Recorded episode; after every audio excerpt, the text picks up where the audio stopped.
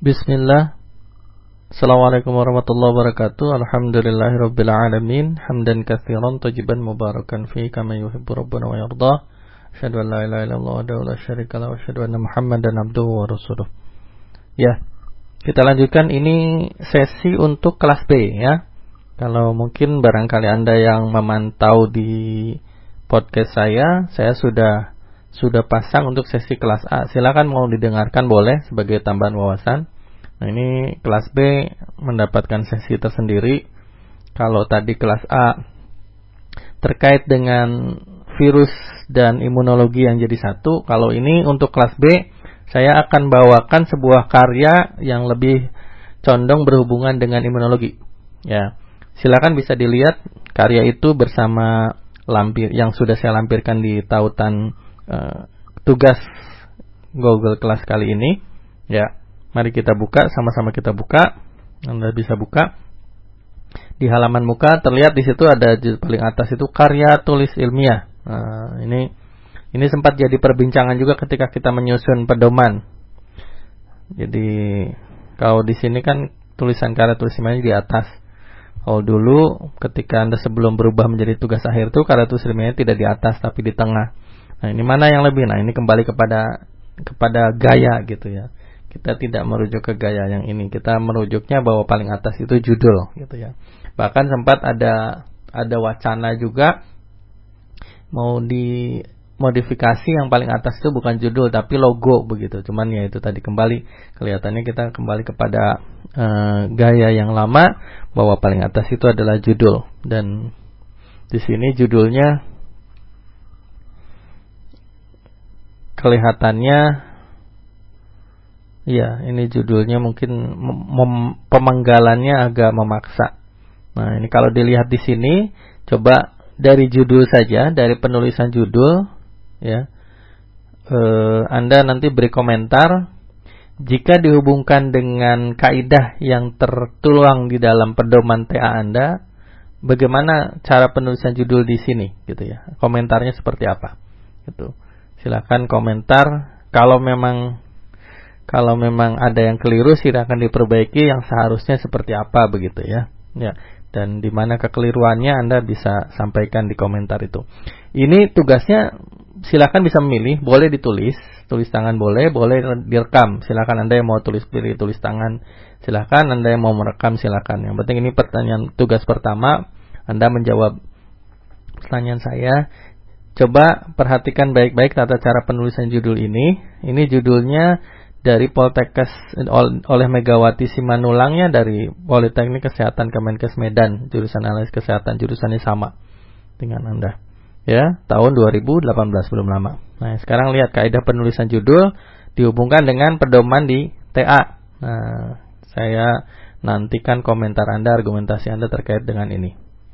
Lanjut ini total kalau dilihat di filenya sih ada 55 halaman begitu ya. Lihat di dokumen elektroniknya ini. Ini ada 55 halaman. Tetapi kalau dilihat di daftar isi sebetulnya muncul juga di abstrak. Di abstrak itu di situ disebutkan halaman pendampingnya itu ada 9, di situ ada I, I, I kecil dan X gitu kan itu 9 ditambah 27 halaman inti. Ya gitu. 27 halaman inti. Jadi halaman intinya ada 27 mulai dari bab 1 tentunya. Lihat di sini bab 1 di daftar isi ya bab bab 1 sampai bab sampai halaman 27 di bab 5 yang lagi-lagi ini kultur ini kultur. Bisa dilihat saya saya ya ini kecondongan masing-masing silahkan ini kecondongan saya karena ini sebetulnya karya. Bab duanya itu ya saya juga tidak tahu apakah memang begitu begitu apa ini kayaknya salah ketik nih bab duanya. Di sini disebutkan bab duanya pembahasan padahal bukan ya. Bab duanya itu tujuan pustaka. Karena dilihat di bab bab 4 itu tulisannya hasil dan pembahasan jadi dua kali kan. Ada padahal itu saya yakin bab 2 itu tipe ya harusnya tinjauan pustaka. Nah Ya ini salah satu indikator bahwa apa bedanya karya dengan clipping gitu. Nah ini lihat di bab di bab 2 tinjauan pustakanya itu dari halaman 6 sampai 18 itu kan hampir 12 13 halaman.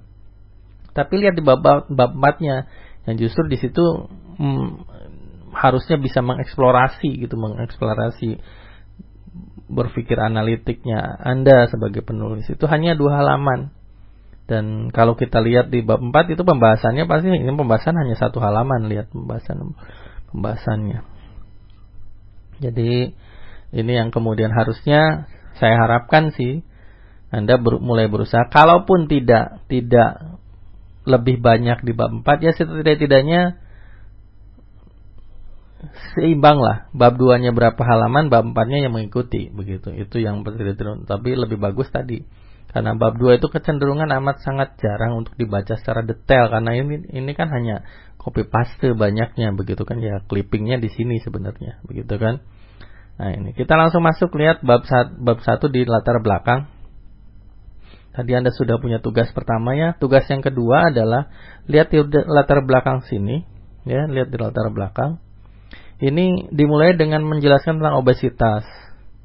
Nah, ini kan kalau diingat perbedaannya kita ya kecenderungannya ini yang baru berjalan menulis dan bahwa lihat di satu alinea yang berkalimat-kalimat ini di, di dicuplik dari satu rujukan.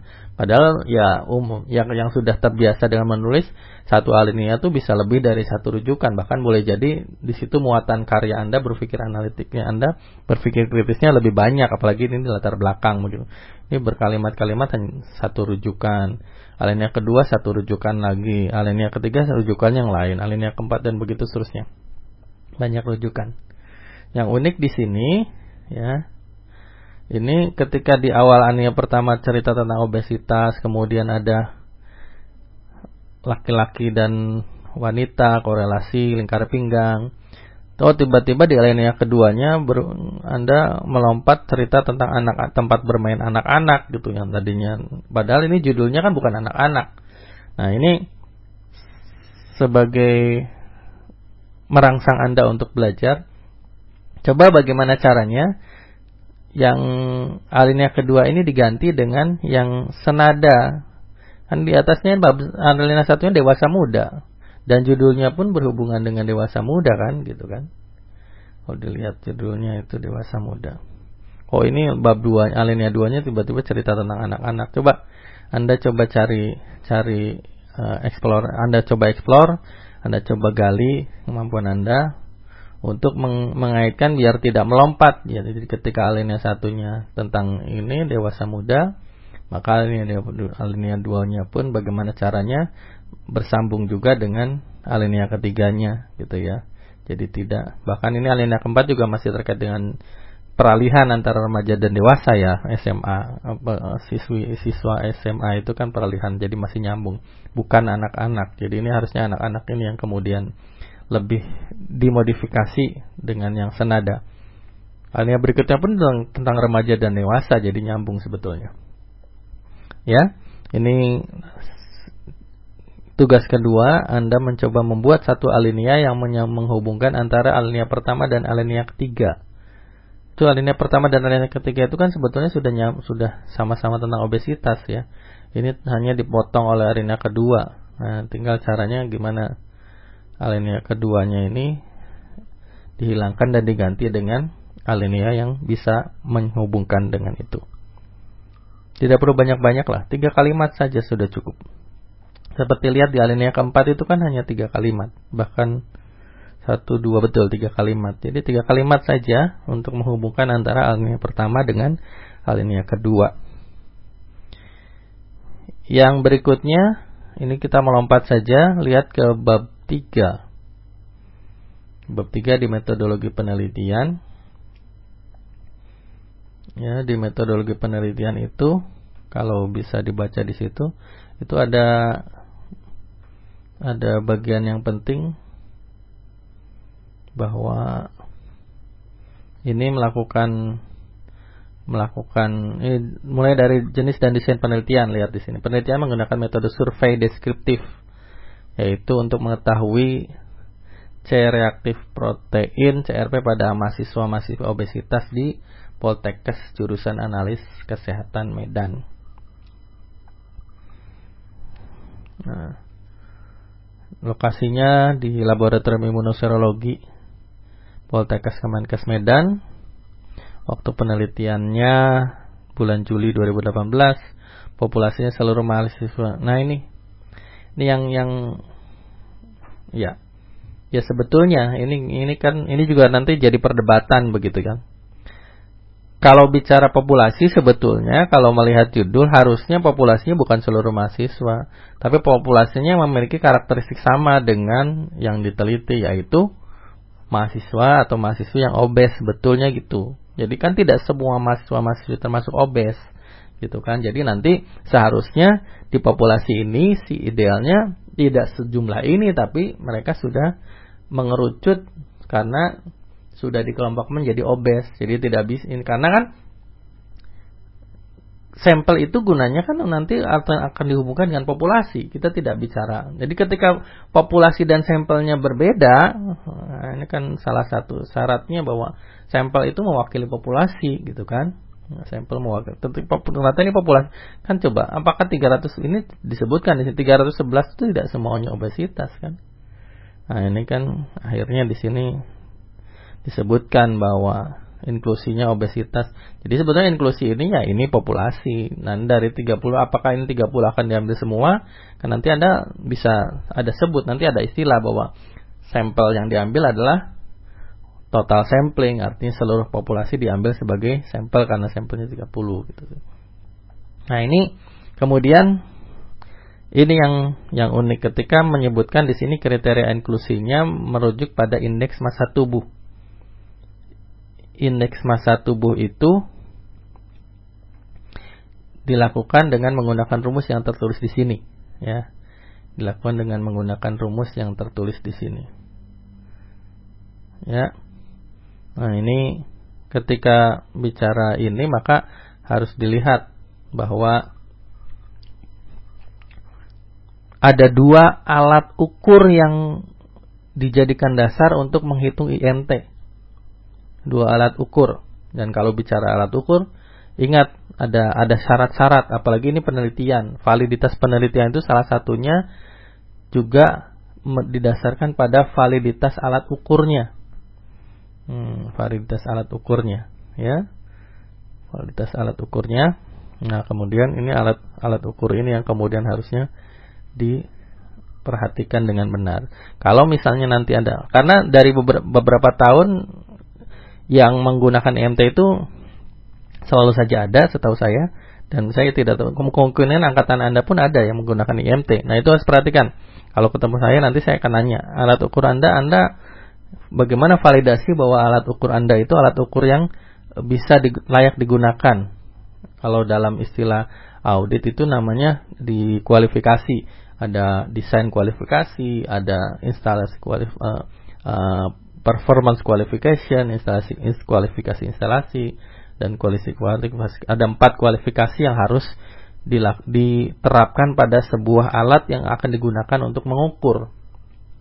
Selain kualifikasi, ada juga satu kaidah yaitu kaidah kalibrasi kan gitu. Kualifikasi dan kalibrasi menjadi, menjadi dua hal yang yang mutlak harus dipegang eh, ketika Anda mau menggunakan alat ukur apalagi ini menjadi kriteria inklusi yang harus dipertimbangkan begitu kan? Untuk harus harus di, di ini. Jadi hati-hati kalau anda nanti menggunakan alat-alat ukur anda ingat-ingat alat ukurnya. Apalagi ketika saya nanti akan menanyakan bagaimana cara mengukur berat badan yang benar? Kalau artinya itu yang jangan sampai kan ingat Ketika bicara pemeriksaan, Anda harus ingat, apalagi Anda TLM kan, Anda harus ingat bagaimana caranya hasil pemeriksaan itu hasil adalah hasil pemeriksaan hasil pemeriksaan yang sesungguhnya, bukan hasil pemeriksaan palsu, ya, bukan false, baik false positif maupun false negatif, tapi true hasil pemeriksaan sesungguhnya. Salah satunya karena harus Anda memikirkan faktor-faktor. Salah satu faktor yang harus dipikirkan ya alat ukur itu kan, gitu. Alat ukurnya harus dipertimbangkan. Tapi sebagai tugas ketiga untuk pertemuan sesi kali ini adalah lihat di bagian bahan dan sampel. Bahan dan sampel itu ada ada 3.4.6 ada reagensia. Nah, ada reagensia. Reagensia di situ ada reagensia CRP latex. Nah, tugas Anda yang ketiga adalah cari melalui mesin telusur Google ya mesin telusur atau mesin telusur apa pun cari file PDF saya minta file PDF nanti file file PDF, alamat alamat atau file PDF-nya boleh Anda sertakan untuk di tugas ini. Ya cari file PDF yang berupa insert kit. Insert kit dari CRP latex. Insert kit dari CRP latex. Ya merek apa pun. Nah, karena mereknya banyak. Saya sudah saya sudah coba telusur mereknya ada tidak setidaknya satu. Anda boleh pilih merek apa pun. Nah kemudian tugas Anda di sini ada prosedur kerja. Bandingkan prosedur kerja yang ada di CR di insert kit itu dengan yang ada tertulis di karya ini. Gimana komentar Anda? Argumentasinya apa? Bagaimana uh, pemikiran kritis Anda terkait dengan perbandingan itu? Ya itu yang ketiga. Yang simpel saja. Baik, demikian. Yang nanti perlu dilampirkan adalah insert kitnya saja, yang lain tidak perlu ada lampirannya. Jadi selain kalau Anda mau memilih ditulis tangan, berarti nanti dua file yang Anda kirimkan, tulisan tangan dan insert kit yang Anda pilih untuk menganalisis, untuk menelaah, membandingkan antara prosedur kerja yang tertulis di sini dengan prosedur kerja yang ada di insert kit yang Anda dapatkan. Baik, saya cukup sekian. Selamat belajar. Mohon maaf atas segala kekurangan. Saya tunggu karya eh saya tunggu hasil tugasnya sebagai kelengkapan absen. Subhanakallahumma wa bihamdika asyhadu an la ilaha illa anta astaghfiruka wa atubu. Assalamualaikum warahmatullahi wabarakatuh.